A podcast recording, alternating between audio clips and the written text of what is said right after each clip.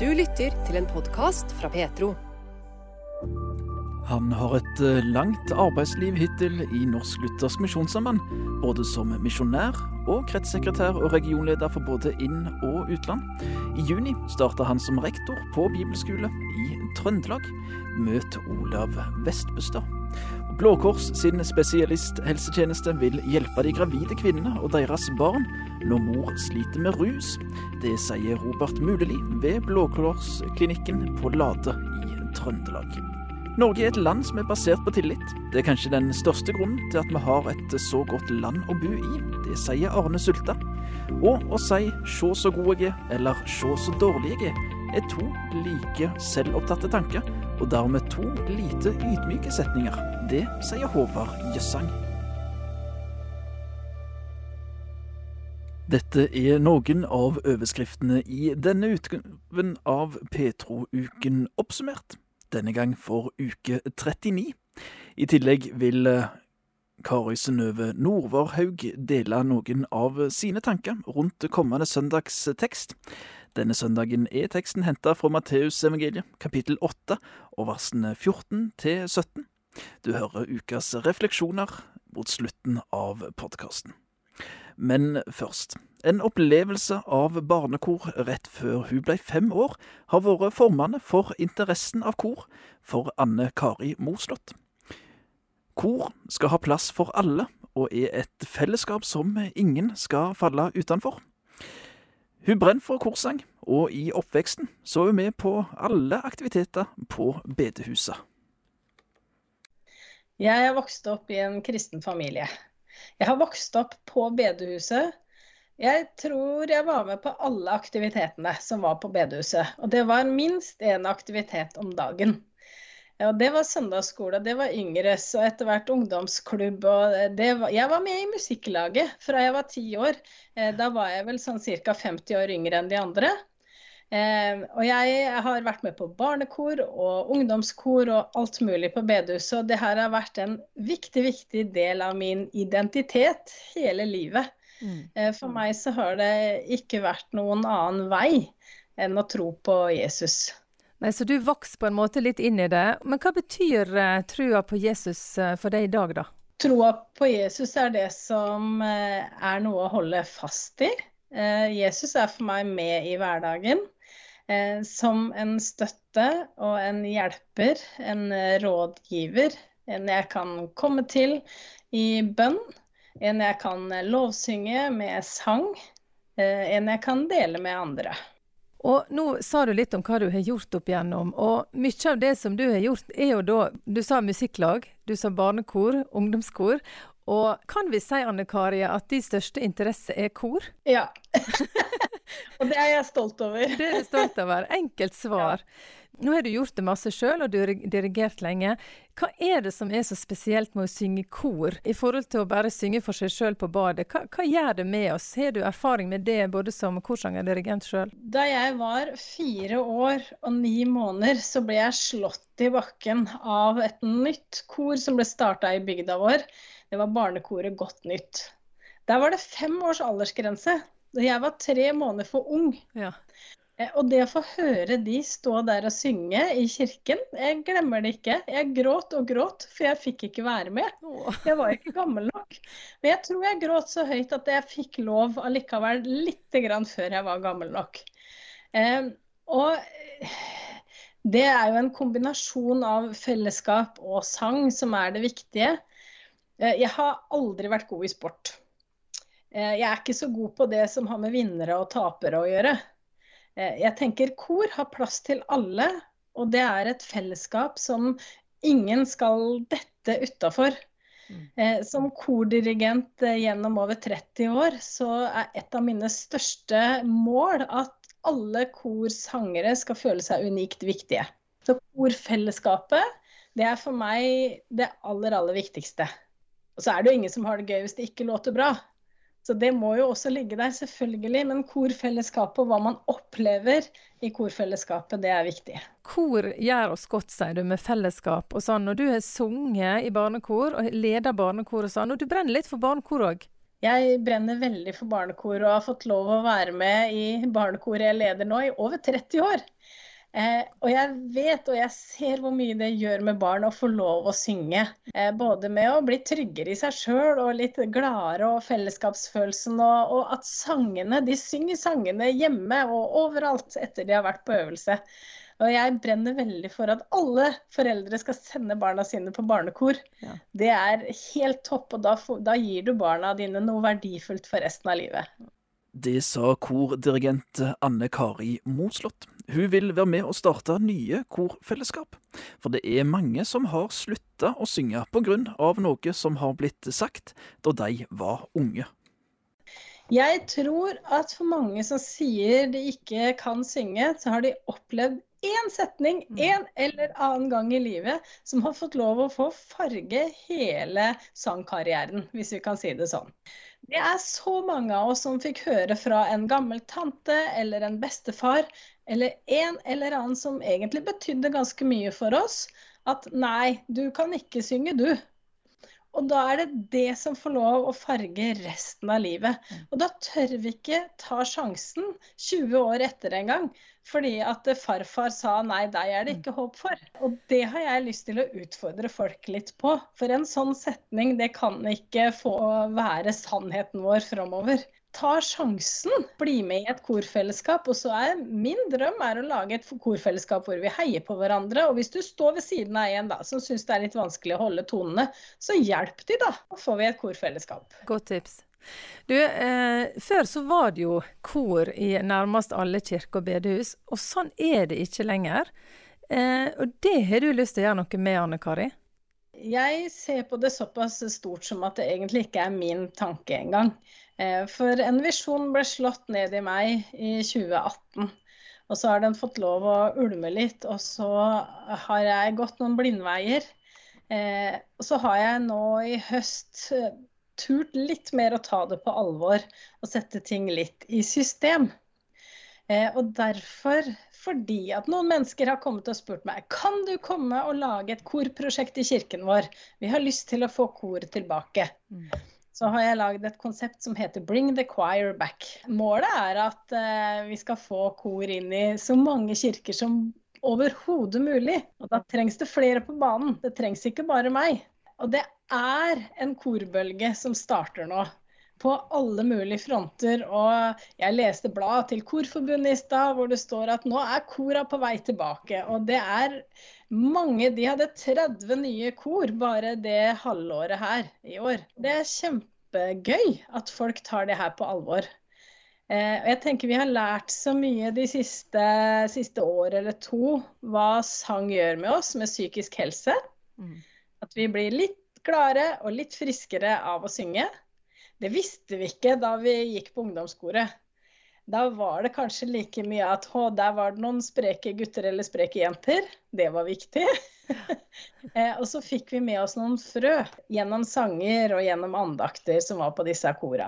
Og disse menneskene som har noen tanker tilbake til ungdomskoret at ja, det var noe bra der, de har litt lyst til å begynne å synge nå.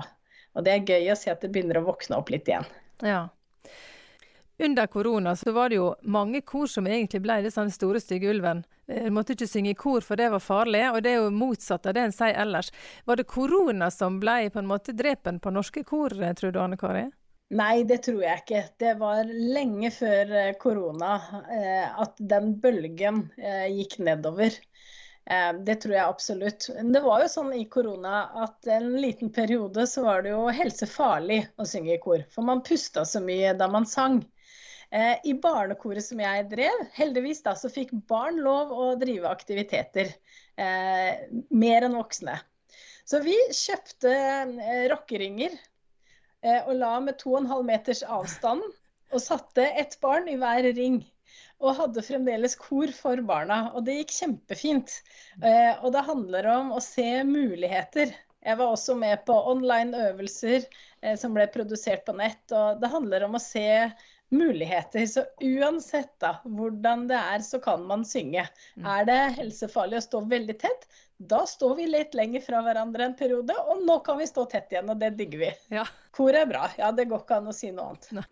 Det sa Anne Kari Moslott. Hun har laga et prosjekt som hun har kalla Bring the Choir Back, som vil inspirere til korvirksomhet på ulike måter, og hun håper at det skal være noe mer enn et kort prosjekt. I eh, 2019 så var jeg på en liten eh, gospelfestival i eh, Ski i Akershus. Eh, og der traff jeg en eh, kordirigent som heter Dexter Walker. Han driver Sign Movement, som er et av USA sine beste gospelkor. De er virkelig, virkelig gode. Og det blir man jo hvis man øver to-tre ganger i uka ja. hele tida.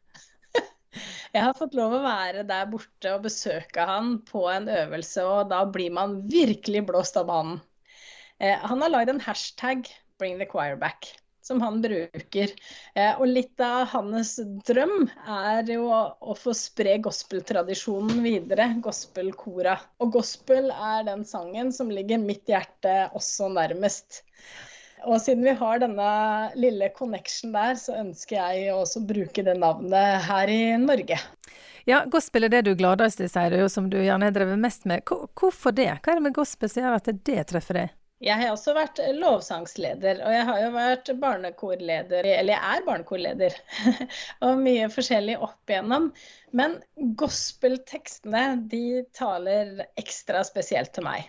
Noen sier at det er bare sånn happy clappy oh happy day. Eh, det er jeg ikke helt enig i. Gospelsangene, de, de, aller fleste av de, da, de forteller deg at ja, OK, dagen din var kanskje litt tung. Eh, det er ikke alltid livet er perfekt, det er greit, men vi har et håp. Vi kan tro på en Gud som aldri svikter oss, eh, som vi kan komme til når livet ikke er så enkelt. Og når man synger sanger som det, så tenker jeg det er eh, flott å ha med alle mulige slags mennesker på en konsert og i et kor. Det gir oss et håp og kan gi oss en åpning til en tro. Mm. Du, Nå eh, har du starta dette prosjektet, og prosjektet går ut på at du reiser rundt til menigheter og inspirerer, rett og slett. Hvis det er noen som hører nå da, og tenker at det hadde vært kjekt å få til min menighet, hva, hva skal de gjøre, Anne Kari? De kan jo ta kontakt med meg på annekari at bringthechoirback.no på e-post. Mm. Um, og så vil jeg gjerne komme i samtale med de og se hva vi kan gjøre sammen. For én ting er å ha et korprosjekt en helg eller over noen uker, eh, hvor man bruker den tida godt til å se hva finnes av ressurser her i menigheten. Hvordan kan vi gjøre det her til at det blir noe mer enn bare et kort prosjekt som eh, avsluttes med en fantastisk konsert, og så er vi ferdig med det. Jeg har lyst til at noe skal vare. Så eh, det kan være at jeg kommer og har korprosjekt, eller det kan være at vi har samtaler og jeg kan bidra til eh, ideer og hvordan man kan eh, bygge opp et arbeid i kirken. Til slutt nå, Anne Kari, så lurer jeg på, går det an å si for deg som har sunget i kor hele livet, dirigert, har du en favorittkorsang? Jeg har mange favorittsanger. Veldig mange. Kurt Carr er en av mine favorittdirigenter og låtskrivere. Og sangen 'For Every Mountain' er nok en av mine aller største favoritter. Det sa Anne Kari Moslott, som står bak prosjektet Bring the Choir Back. Og hun ble intervjua av Anne Birgitte Lillebø Bø.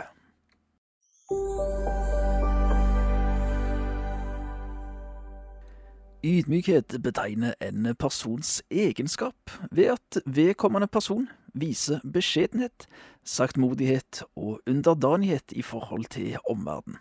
Denne forklaringen gir Wikipedia til ordet ydmykhet. Sann kristen ydmykhet er å glemme seg sjøl. Det sier Håvard Jøssang, administrasjonskonsulent i Misjonssambandet Ung. Eh, jeg tenker på ydmykhet som eller Det er ofte forstått som det motsatte av stolthet eller arroganse. Og På den måten så bør det jo absolutt prege kristne. Eh, en skal ikke være oppblåst eller høy på seg sjøl og det som er, kanskje fascinerer meg mest med det temaet, er jo å oppdage at denne motsetninga av ydmykhet handler ikke bare om oppblåsthet, men òg om, om selvopptatthet generelt. Og det kan vise seg eh, som noe ganske annet, eller i våre øyne, enn stolthet og arroganse. Men, òg som det å se ned på seg sjøl. Eh, som å eh, tenke lite om seg sjøl. Ja, jeg skriver i den artikkelen at det å setningen 'se så god jeg er' og setningen 'se så dårlig jeg er' er to på en måte like selvopptatte tanker. Og to eh, strengt tatt lite, li, eh, like lite ydmyke, hvis en eh, kan si det sånn, da. Ja, for du bruker også ordet falsk ydmykhet. Hva, hva, er grunnen til at ydmykheten blir falsk? det som ja, jeg vil kalle falsk ydmykhet. Og det er jo litt som jeg snakker om, der en en hele tida skal unnskylde seg. Uh, og hvis det ikke er reelt, på en måte, eller det er bra å unnskylde, eller å på en måte komme med forbehold til det en har å si, hvis en faktisk ikke har uh, har det noe grunnlag for å si noe riktig eller bra om det, så er det jo fint å, å, å si det. Uh, men hvis en har har en eh, vel uttenkte tanker eller har studert noe grundig, eh, så er det lov å på en måte eh, å ikke bruke denne forbeholdet, da, kanskje. Men Du sier at du er fascinert av, av dette her med ydmykhet. Men hvor kommer ydmykhet opp imot uh, et uh, ordet skam? Jeg har tenkt på Når jeg, du sier jeg er fascinert av ydmykhet, så, så handler det vel så mye om at jeg er fascinert av måte andre sida av ydmykheten. da som er stolthet, og, og den sida av det som en, som en menneskelig som, ja, Kanskje den grunnleggende menneskelige synda, da. Som, som, preger alle synder, eller som alle andre synder kommer ut av at en er eh, stolt eller arrogant eller, eller, eller selvopptatt. Eh, og det kan en eh, kjenne igjen i, og det kjenner jeg meg igjen i, i meg sjøl. Og, og eh, ja, mine, det jeg er opptatt av. At uh, jeg skulle gjerne vært mer ydmykt. Og det vil si da ikke jeg skulle gjerne sett mer ned på meg sjøl, men mer sånn jeg skulle tenkt mindre på meg sjøl og på hvordan eh, andre oppfatter meg. Eller jeg skulle tenkt mindre på hvordan jeg sjøl oppfatter meg. Jeg skulle og heller fokusert og vendt blikket mitt oppover på hva Gud sier om meg, og la det få være det som definerer meg eller å være et redskap for Gud ut for andre mennesker. Det å være ydmyk, det handler egentlig om å se hvordan Gud eh, ser på oss mennesker? Ja, jeg tror, jeg tror litt av I den artikkelen som, som jeg skrev, så, så, nevner jeg en bok som er veldig stor inspirasjon for det jeg skrev, som heter 'The Freedom of Self-Forgetfulness', der poenget er jo at eh, for å bli sann ydmyk, så er det ikke noe som som vi klarer å helt fikse sjøl, men, men, poenget hans er litt at vi må innse at, at vi har dette problemet med stolthet. Om, om enten det er at vi for, tenker for høyt om oss sjøl, eller at vi ser ned på oss sjøl. Ja, det er et problem som Gud må fikse. Eh, og vi må innse at eller, Det er jo evangeliet som er svaret på alt, som, eh, som, er Tim Kellers mantra, som har skrevet denne boka. Og at uh, gjennom evangeliet så får vi se at uh, selv om jeg er som jeg er, så har Gud elska meg, og han har betalt min pris. Han har gitt seg selv for meg. Og han har på, måte, på den måten opphøya meg når den høyeste av alle, når skaperen av universet tenker sånn om meg. Da trenger jeg ikke jeg bryr meg om hva andre sier om meg eh, universets herre har elska meg eh, og elsker meg. Og da trenger jeg ikke heller bry meg om hva jeg sjøl tenker om meg. Håvard Jøssang, administrasjonskonsulent i Misjonssambandet Ung, har på nettsida itro.no denne artikkelen om ydmykhet. Den har òg stått på trykk i Utsyn, informasjonsbladet til Misjonssambandet. Intervjuer var Bjørn Steinar Haugland. Petro har mange ulike podkaster og serier. Samlivsskolen gir råd og tips til par. I Pastoren og Journalisten prøver vi å finne ut hvorfor mange unge forlater menigheten i overgangen til voksenlivet. Og i Petro-gjesten får du høre livs- og troshistorien til en lang rekke spennende mennesker. Ekte og ærlig. Du finner alt i Petro-appen, på petro.no, eller der du ellers lytter til podkaster.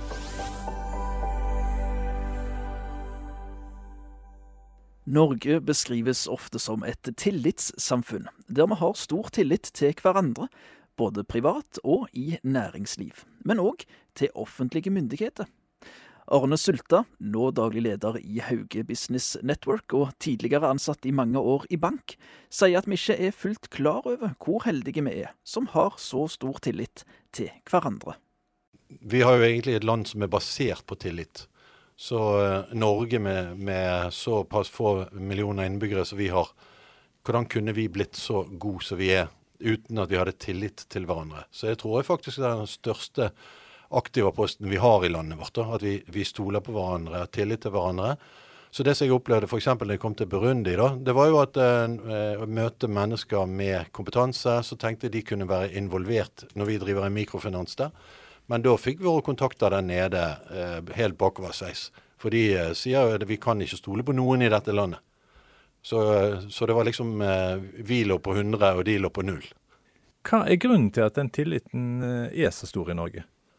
Eh, nå heter jo vi Hauge Business Network, da, så jeg har jo veldig lyst til å gi mye av æren til én mann da, som heter Hans Nilsen Hauge, som gikk rundt i landet vårt. Og, og så hørte jeg en uh, undervisning av professor Magnus Suppell da han uh, sa det at uh, hvordan kunne den mannen få sånn tillit?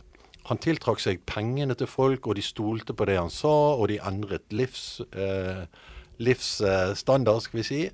og Så det skjedde så utrolig mye. Samfunn ble endret pga. én mann besøkte de. Og da sa han det var tre ting. Så punkt én, sa han, det var kunnskap. Han kom altså med kunnskap, uh, og de kunne stole på at det han sa, det, det var riktig. Nummer to, det var integritet. Uh, og det, da handler det om levd liv. Så da han underviste og forkynte og uh, viste veien, så måtte han sjøl leve ut det, det livet. da. Og her er det veldig mange som feiler. Uh, så da, det merker vi. Hvis ikke du er den du sier du er, så mister du tillit. Og den tredje, det var hvordan behandler du mennesker? Kanskje spesielt hvordan behandler vi de eh, svake, utslåtte, de fattige, enkene, farløse. ja. Den økonomien som samfunnet har nå, med at ting blir dyrere, og, og det opp imot dette her tillitssystemet som vi snakker om. Altså Norge er jo et av de landene som har mye tillit. Men hvis tilliten forsvinner, så er det andre ting som kommer inn. altså Da er det rapportering, og så er det dokumentasjon, og så er det skjema som må fylles inn, og som må passe på hverandre. Som igjen øker eh, kostnaden. Det at Norge er et så rikt land, er, er det pga. at vi på mange måter slipper litt dette her? At vi, vi stoler på hverandre? Eh, jeg tror eh, mye av bakgrunnen har med Hans Nilsen Hauge å gjøre. Og at vi eh, har eh, en generell tillit jeg nevnte noe som er litt interessant i sted. Jeg sa det at vi, eh, når vi reiste til Burundi der vi har et arbeid, så er det sånn at uh, de hadde jo ikke tillit til naboen. Det var faktisk så ille at uh, når vi snakket om dagens gjøremål, og så kom det en annen som vi vet at de kjenner og har tillit til vårt, og spør hvordan blir deres plan i dag, så sier de det motsatte. Og så lurte jeg på hvorfor i all verden de gjorde det. om vi hadde misforstått hverandre. Men da sier de det at Nei, eh, vi forteller ingen sånne facts til noen. For da vet vi ikke om eiendelene våre er intakt når vi kommer tilbake igjen. Og det er egentlig helt utrolig. Vår leder i Brundi reiste jo opp her og var her i 14 dager. Og da hadde de med seg alle verdifulle eiendeler. Så de lurte på hvorfor de hadde så svære kofferter og så mye bagasje. De sa vi kan ikke la de bli igjen der nede. Og så kommer det folk eh, som jeg skal gjøre forretninger med. Så møter jeg folk faktisk på Jeg har diskutert dette mye med folk. Jeg møter folk på tror jeg rundt 80 eh, At hvis, eh, eh, hvis av en eller annen grunn jeg har eh, eh, hørt positive ting om de, så har jeg tillit. Og så kan de gjøre ting som gjør at de river det ned. Sant? Mens andre sier det at jeg møter folk på null, selv her i Norge. Og da, da må de fortjener min tillit. Men de fleste sier de møter mennesker på rundt 50% Og så får vi se hvilken vei de utvikler seg. Er samfunnet vårt eh, i ferd med å endre seg på, på temaet tillit? Ja, det vil jeg absolutt si. Altså Disse tingene som skjer med politikerne våre, det er jo klart det er jo veldig negativt. sant? Og det, det er jo folk som skal være rollemodeller, så vi, eh, vi bør se opp til og ha tillit til. Eh, I tillegg så er det jo masse Nå er jo aldri sett så mange konspirasjonsteorier. Og det som skjedde med covid, med fullstendig nedstenging, det som skjedde med vaksine Jeg snakker med så mange mennesker som mister tillit til eh, systemene. Og det, det syns jeg er faktisk kritisk for landet vårt. da, At eh, vi har gått fra, fra tillit som vårt sterke, sterkeste aktivum til at vi ikke lenger stoler på myndigheter. Og, stoler, og media er det mange som mister tillit til.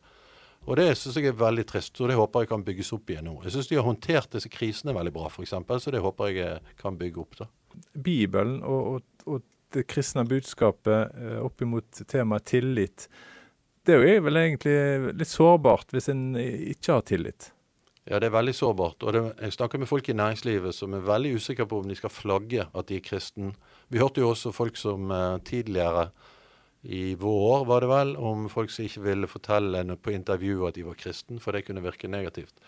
Men nå hadde jeg nettopp møte med en eh, som ble bedriftsmedlem hos oss, da, med hele selskapet sitt. Og han sa at eh, han, når du eh, googler hans navn, så vil du se at han er kristen og har noe tillitsverv i en menighet. Så han var veldig usikker på resultatet av dette, da.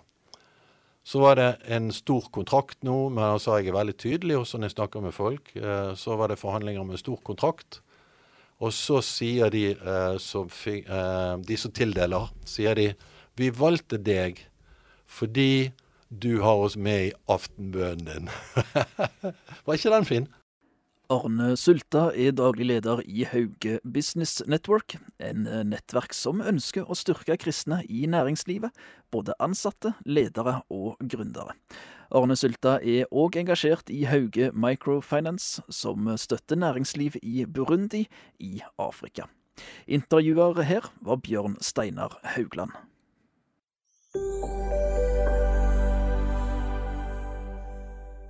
Den nye rektoren på Gå-ut-senteret i Trøndelag sier at de ønsker å være en bibelskole som utrustet til misjon. Han kjenner at denne jobben er som et kinderegg av en jobb, med ungdom, misjon og Jesus. Trua på Jesus har han sjøl alltid hatt. Ja, jeg har det. Jeg vokste opp i en kristen heim og fikk høre om Jesus fra jeg var liten. Og har blitt tatt med på søndagsskole, i kirka, på bedehus, vært på leir. og ja, troa på Jesus er noe som jeg har båret med meg i hverdagen hele livet. Mm. Hva betyr Jesus for deg i dag? Ja, Jesus er en, den viktigste i mitt liv. Eh, det er han som er min frelser. Det er han som gjør at jeg har et håp for livet mitt. Og den fortellingen som Bibelen formidler, og som Jesus representerer, den forteller en uh, fortelling som jeg føler at det passer for meg, og at jeg passer inn i den. Jeg er veldig glad for at jeg har fått høre om Jesus fortellingen om Jesus, den, eh, den passet for deg. Og så mm. tenkte jeg, hva, hva, hva, er det i fortellingen om Jesus som du syns passer akkurat for deg? Jo, um, jeg syns at um, altså Jesus presenterer seg på en sånn måte at han er veldig troverdig. Uh, og så forteller han om hva vi som mennesker både er og skal være. og så presenterer Bibelen der på en veldig troverdig måte. Jeg er veldig fascinert av f.eks. Jesaja 53,5, som er et bibelvers som eh, har betydd mye for meg en, eh, hele livet. Der det står om at han ble såra for våre brudd, syndbrudd for våre synder. Straffa lå på han for at vi skulle ha fred, og ved hans sår har vi fått legedom. Eh, det er jo vers som ble skrevet mange hundre år før Jesus eh, ble født. Mm. Og så passer det så veldig godt på han, eh, sånn at Jesus passer inn i den store fortellingen som Bibelen er. Og så er det òg veldig troverdig det som står f.eks. om at Jesus sto opp igjen. sånn at jeg, jeg, tror rett og slett på det og, og ønsker å følge Jesus. og mm. Når han ber oss om å følge seg, så er det noe som jeg ønsker å gjøre. Nesten slik at det er vanskeligere å ikke tro? Ja, for meg eh, har det blitt sånn. Eh, for jeg har ikke noen alternativ måte å se livet på som, som jeg føler passer bedre. da. Mm. Så det er én ting, eh, Olav, som Fra det ene til det andre, for å si det slik. Eh, mm. Vi hører jo at du Altså, hvis du har et snev av dialektgehør, så er det jo ingen som kan tro at du er voksen opp i Trøndelag, så du må jo, du må jo si litt hvor du er voksen opp hen. Ja da, jeg er voksen opp på Fitjar på Stord. Så jeg er sunnhordlending og bodde der når det var unge emissærer som Torbjørn Hovland som var besøkte bedehuset. Så det var ja, mange gode minner fra Fitjar. Du er rektor på Gå ut-senteret i Trondheim, noe du ganske nylig har begynt med. og Det skal vi tilbake til, men hva har du gjort før det? Ja, jeg har vært misjonær i Indonesia, så har jeg jobba i Misjonssambandet i Norge i forskjellige roller. Siste året før jeg begynte på Gå ut-senter, så var jeg regionleder for utland og hadde ansvar for deler av Misjonssambandet sitt arbeid i Asia. Ja, og da har du altså starta nå på en, en, annen stilling i Gåutsenteret i Trondheim. Jeg las i et eh, intervju Olav, at du har sagt at dette her er midt i blinken for deg. Det er et kinderegg med Bibel, ungdom og misjon. Er det noe du har tenkt på lenge, det å bli rektor på bibelskole? Da jeg jobber på bibelskole er noe som har fascinert meg, egentlig. Men å bo i Trondheim så har ikke det alltid vært så mange muligheter på det. Eh, og eh, Gå-ut-senteret flytta til Trondheim for åtte år siden. og Da vurderte jeg å søke Eller jeg søkte faktisk, mens jeg fikk tilbud om annen jobb som gjorde at jeg trekte søknaden da. Eh, så det er noe som har ligget i bakhodet mitt lenge. Så begynte jeg nå 1.6 og trives veldig godt. Og det Kinderegget, det jeg, jeg, føler absolutt at det smaker godt fremdeles. Ja. Både med Jesus, med ungdom og misjon. Det er ja. det, det vi holder på med. Ja. Hva har du med deg fra livet som misjonær og regionleder fra Misjonsmark som, som, er til gode for eh, Bibelskolen Gå ut-senteret, tror du? Ja, eh, formelt sett heter faktisk Bibelskolen Gå ut-senteret det heter Misjonsskolen Gå ut-senteret. Og vi ønsker å være en, eh, en bibelskole som utfordrer til misjon, og som utruster til misjon. Så den bakgrunnen jeg har, både med å være sjøl misjonær og vært med og rekruttert og forberedt og tatt imot og fulgt opp misjonærer, det er noe som jeg opplever veldig relevant i den jobben som jeg har nå. Ja. Og så er det òg noen forskjeller med at når jeg var regionleder og hadde ansvar for arbeid i Asia, da leder jeg jo folk som var veldig langt vekke, mens nå, nå møter jeg jo det jeg leder hver eneste dag. Så mm. det er litt annerledes. Du slipper jo å pendle til Oslo nå, du har jo bodd i Trøndelag i mange år egentlig. Hvordan er den nye tilværelsen? Er det sånn at du og fruen må bli kjent på nytt, eller?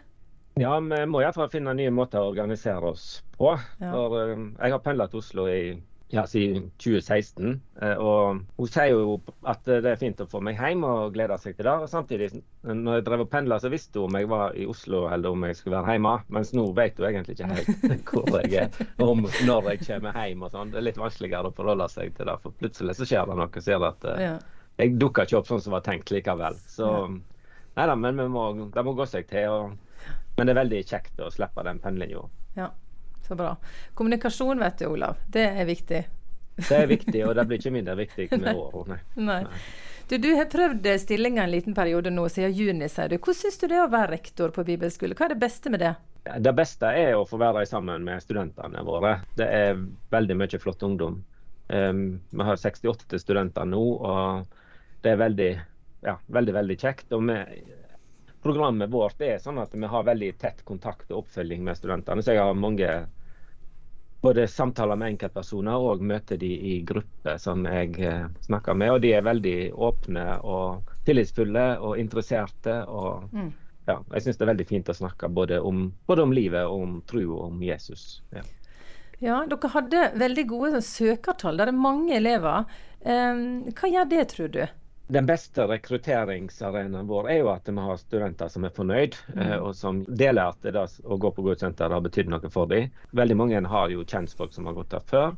Enten det er søsken, eller det er folk som har gått på samme internatskolen, eller det er folk i menighet. Eh, så da, det er nok den beste arenaen. Og så tror jeg at vi over tid har klart å bygge oss opp et, et godt rykte òg, som gjør at Eh, folk som tenker å gå på bibelskole, vurderer Gå-ut-senteret som et eh, godt alternativ. Mm. Og tydeligvis mange har, har vurdert det som det beste alternativet. Du, har du noen planer du kan fortelle om som ny rektor på en tradisjonsrik skole? Altså, Hvordan vil folk merke at Olav Vespestad er rektor? Ja, jeg er jo så heldig at jeg får gå i mye gode, ferdiglagte gjerninger. De som har drevet skolen fram til nå, de, eh, de har gjort det på en veldig bra måte, sånn at det veldig mye ligger til rette. Men så har jo jeg den erfaringen jeg har fra misjon og ytre misjon, så jeg håper at det blir enda tydeligere framover. Vi mm. kommer også til å Vi jobber konkret med å få utvida praksisfelt nå. Veldig sannsynlig at vi har et nytt eh, praksisfelt for våre studenter, sånn som de kan søke på til neste år. Det sa Olav Vestbøstad, som er ny rektor på Misjonsskolen Gå ut-senteret i Trondheim. Han ble intervjua av Anne Birgitte Lillebø Bø og Torbjørn Hovland under responssamlinga forrige uke. Du kan lese mer om skolen på gus.no. Takk for at du lytter til denne podkasten fra Petro. Liker du det du hører, setter vi pris på om du tipser andre om radiosendinger og podkaster fra Petro. Du finner oss på DAB, og både radiosendinger og podkaster er tilgjengelige i Petro-appen, som enkelt lastes ned fra Google Play eller AppStore. Når ei kvinne er gravid og det er mistanke om at mor ruser seg på alkohol eller andre rusmidler, er det låg terskel for å melde bekymringsmelding. Det sier Robert Muleli, avdelingsleder for Avdeling for gravide og småbarnsfamilier ved Blå Kors sin avdeling på Lade i Trøndelag. I Norge får gravide kvinner god hjelp på helsestasjoner og av fastlege. Blå Kors ønsker å hjelpe gravide kvinner og deres foster når det er mistanke om at mor ruser seg. Så kan det være at det er noen uh, gravide som også har et rusproblem. Sannsynligvis langt flere enn vi er klar over. Og langt flere enn det både helsestasjoner og fastleger klarer å, å, fange opp. Men klarer man å fange opp det her, så er, er vår rolle at vi kan tilby behandling for den foreldrene det er snakk om. Og også mulighet for at det legges inn sammen med barnet sitt. Det er litt sånn det som er vår greie. Men det vi er litt sånn i, i skala med denne spesialisthelsetjenesten, så vi kommer jo inn når på en måte andre ting er, er prøvd her. Men hvis en er gravid og, og mm, har et rusproblem, melder en da sjøl inn at en trenger hjelp, eller er det andre offentlige institusjoner som, som gir dere beskjed om at uh, nå må dere Her er en person, her er en en mor og et barn som dere må uh, følge opp? I den ideelle verden så skulle vi gjerne sett at enda flere på en måte hadde sagt OK, jeg har et problem, jeg trenger hjelp. Uh, men realiteten er nok de aller fleste saker her, så er det nok noen som fanger opp. Eh, det kan være helsestasjon. Det kan være barnevernstjeneste. Det kan være at folk er lagt inn på en annen rusinstitusjon, og så dukker det opp at personen faktisk viser seg å gravid. Eh, og så velger en å måtte henvise videre frivillig, eller i verste fall at en bruker det som vi kaller for tvang. da. Ja, for Det er litt spesielt i Norge. Eh, barn som ikke er, er født, har et eh, rettsvern eh, når eh, mor er rusa. På et helt annet rettsvern enn alle andre barn. Ja, altså det, det, det, finnes kanskje andre land i verden som også har den ordninga. Men hvis vi ser for sørover til Danmark, så har de ikke den ordninga. Eh, men i Norge så ble det bestemt, jeg lurer på om det var helt på slutten av 80-tallet, at også det ufødte barn bør ha et vern her. De er uskyldig på en måte dratt inn i, i mors rusmisbruk, og da må de kunne vernes. Så, og, og så har også en veldig tydelig forskning på at det er ikke bare bare å være barn i en mage der det konsumeres en stor mengde alkohol eller det brukes masse rusmidler, da blir også barnet påvirka. Så liksom det som er bakgrunnen for å beskytte barnet, så har en muligheten til å legge inn på tvang. Det er mye diskusjoner om tvang i Norge, både i psykisk helsevern og i rus. og Der har vi alltid hørt om at det skal være veldig høy terskel, og det er nok fornuftig. Men i forhold til gravide så er det faktisk ganske lav terskel.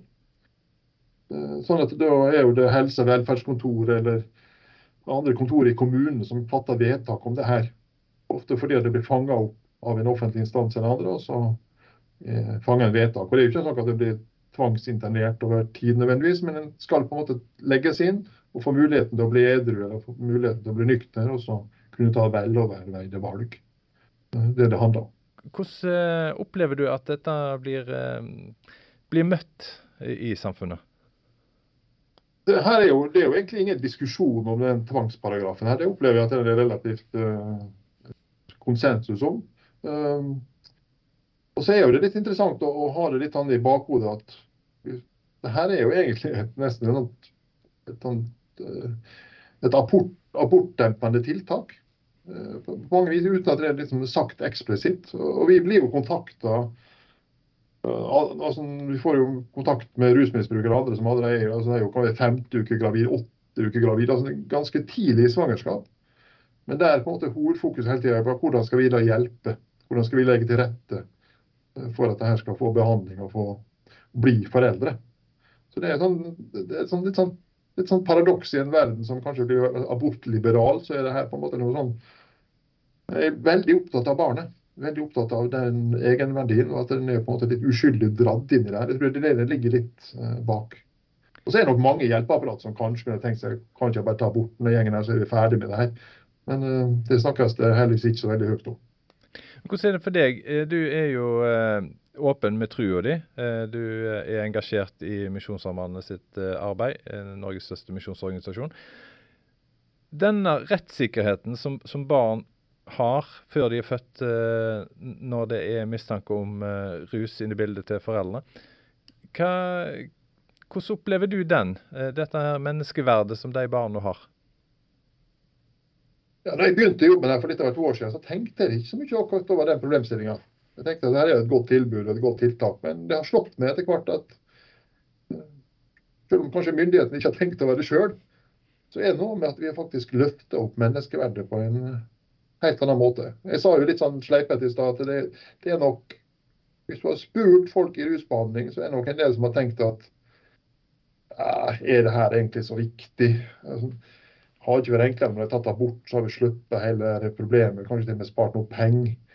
Eh, men så er det en oase her da, der vi sier at vi er ikke så opptatt av penger. Vi er ikke så opptatt av ditt og datt. Vi er opptatt av å, holde barnet fram og hjelpe det og heie det fram. Og det tenker jeg at det skal vi holde på. Det skal vi være litt stolt over også som, eh, som folk. At vi har den muligheten. Robert Muleli er avdelingsleder for avdeling for gravide og småbarnsfamilier ved Blå Kors sin avdeling på Lade i Trøndelag. I Norge er det fem slike institusjoner som jobber for å hjelpe barn der mor bruker rus i graviditeten. Blå Kors har tre, Kirkens Bymisjon én, og det offentlige har én. Intervjuer i innslaget var Bjørn Steinar Haugland.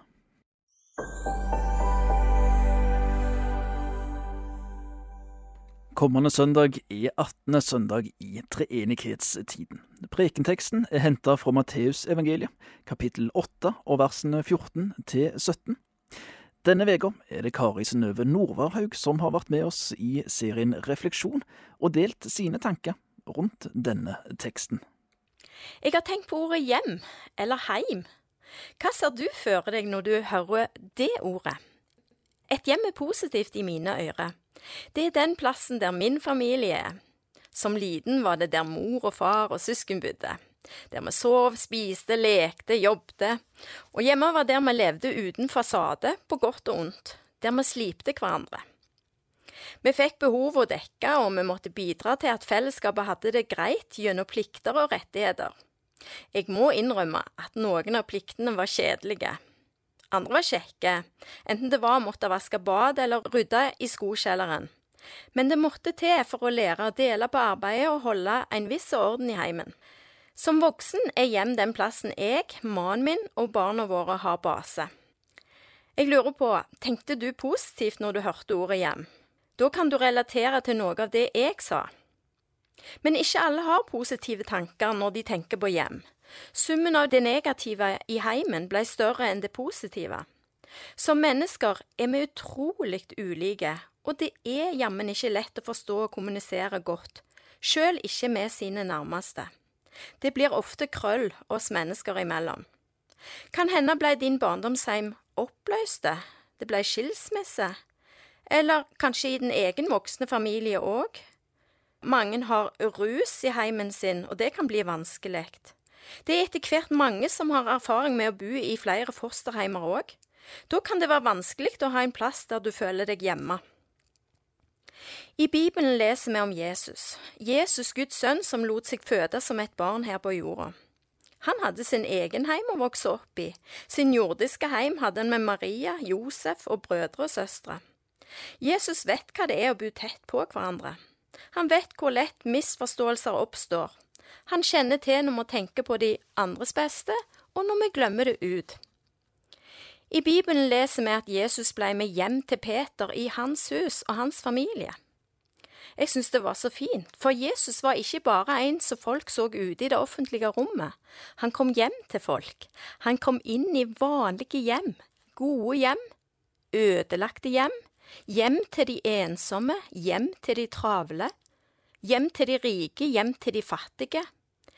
Jesus elsker alle mennesker. Har Jesus lov å komme på besøk til deg? Får han overnatte og bli fastboende hos deg? Jesus er ikke lenger synlig sammen med oss, men han er likevel levende og til stede i sitt ord fra Bibelen. Inviter han inn i heimen din. Han vil elske å lytte til deg og tale til deg og til de andre som kanskje bor sammen med deg.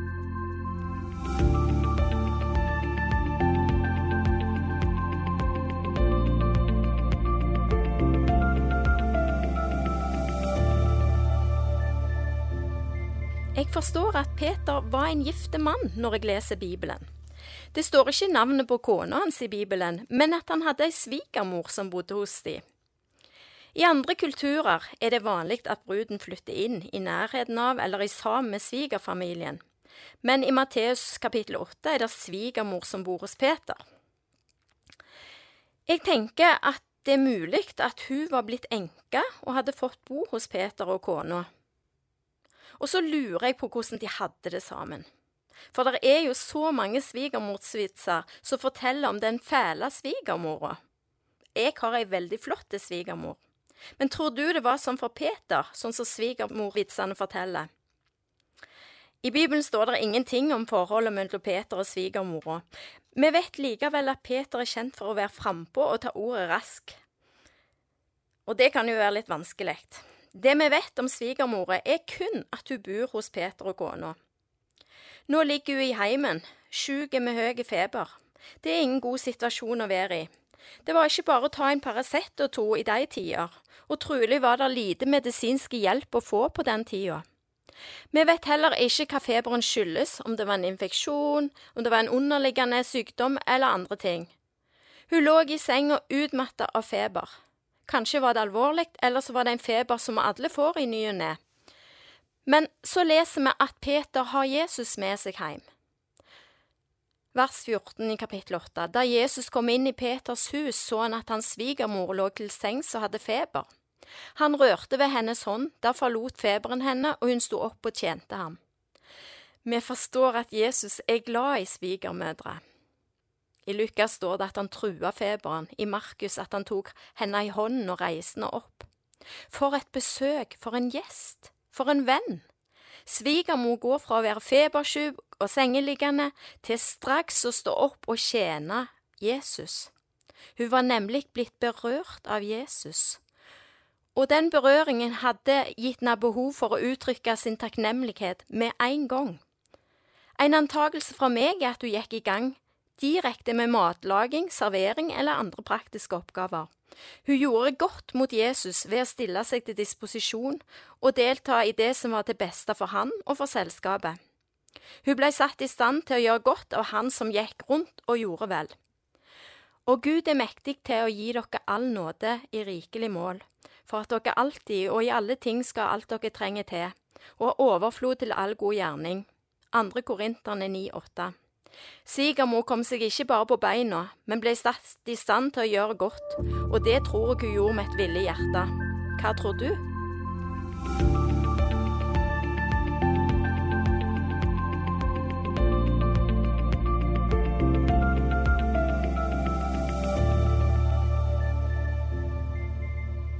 Hvordan liker du å få uventa besøk? Er det lenge siden noen stakk innom deg? Peter hadde med seg Jesus hjem til seg, og med Jesus i heim ble det folksomt utføre. Utforbi sto det etter hvert en hel gjeng med besatte og sjuke folk. Hele byen kom. Folk spurte seg fram og fant ut hvor Jesus var. Hvordan i alle dager hadde du opplevd det? Når vi inviterer noen vi setter ekstra pris på, er det lett å tenke at vi har rett på tida og fellesskapet deres uten å måtte dele det med hele omverdenen. Og de som sto utenfor Peters dør og bankte på, var ikke spesielt inviterte. De bare kom. Heller ikke var de de første i køen på en normale liste over de vi ville bedt på besøk hjem til oss, hvis du er lik meg. For de besatte var jo folk som styrtes av onde åndsmakter, og de var sikkert ikke trivelige å være sammen med. Det føltes kanskje rent uhyggelig ut da disse kom. Det blir ofte sånn med Jesus. Hvis du har Jesus som venn, så utvides både kjennskaps- og vennskapskretsen betraktelig. For der sto de, utfor døra til Peter, brakt av mennesker som trodde på Jesus. Jesus sa en gang i samtale med fariseerne, det er ikke de friske som trenger lege, men de som har det vondt. Nå sto det en hel gjeng med syke og besatt utfor heimen til Peter. En strøm av folk på besøk som hadde det vondt. Jesus sa ett ord og de onde ånder måtte forlate kroppen til de besatte. Så fikk Peter og de andre se at Jesus er sterkere enn alle krefter og kan sette i frihet. Ja, hans navn er så stort at folk som er besette i dag, kan bli fri ved bønn i Jesu navn. Får da Sønnen frigjort dere, da blir dere virkelig fri, står det Johannes 8, 36.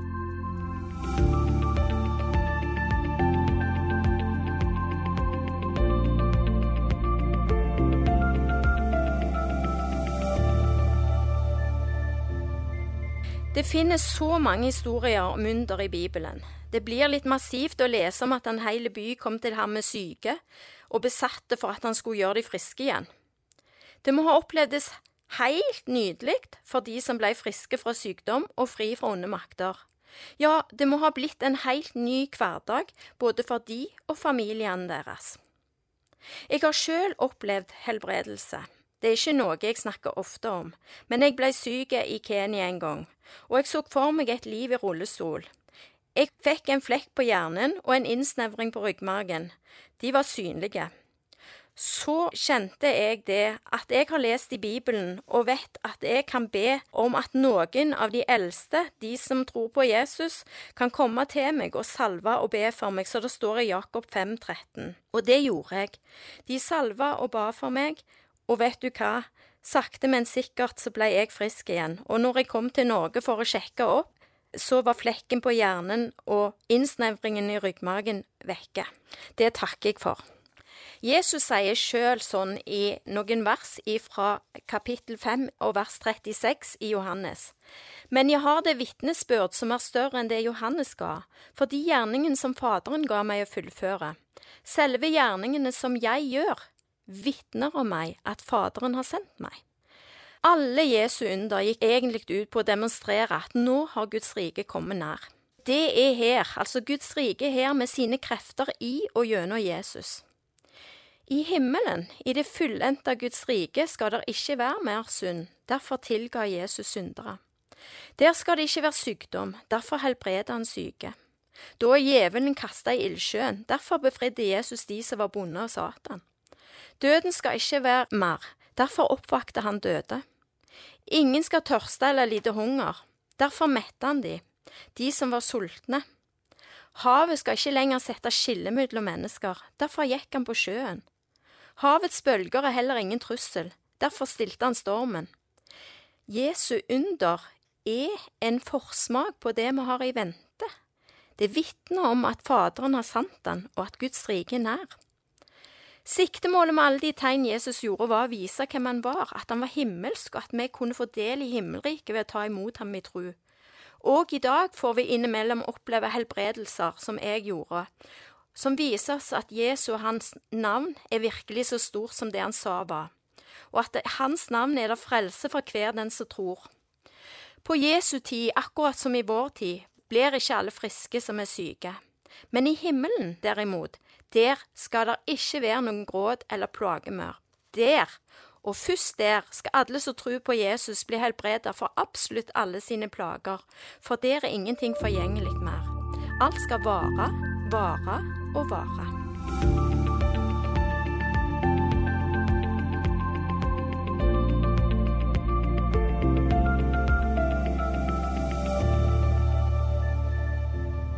Har du forakt for noe eller noen? Forakt eller ringakt er en intens følelse av vanære og motvilje. Det ligner hat, men innebærer følelse av overlegenhet og nedlatenhet. En person som forakter en annen, ser ned på den personen. Forakt kan være relatert til følelser av vemmelse og bitterhet. Dette er betydningen av ordet forakt i Wikipedia.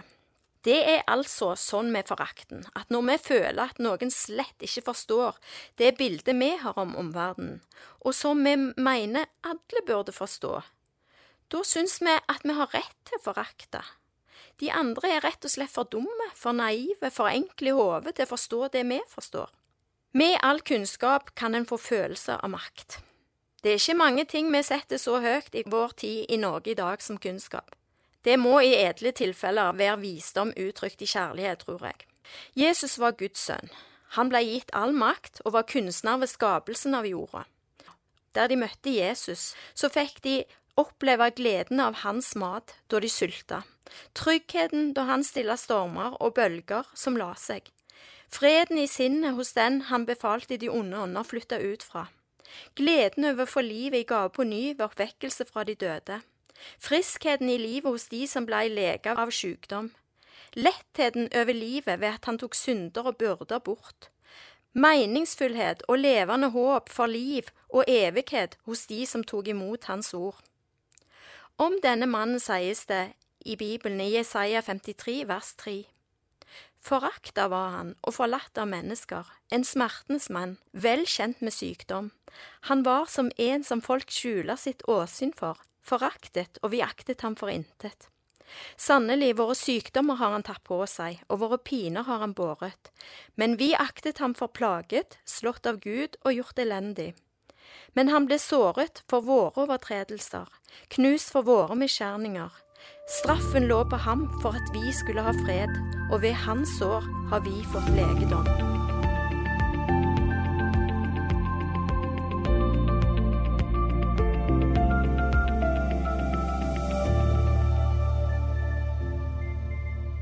Kari Synnøve Norvarhaug delte tanker med oss i serien Refleksjon denne veka.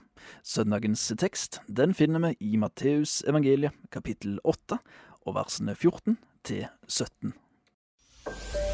Du har lyttet til en podkast fra Petro. Du finner mer i Petro-appen, på petro.no, eller der du ellers lytter til podkaster.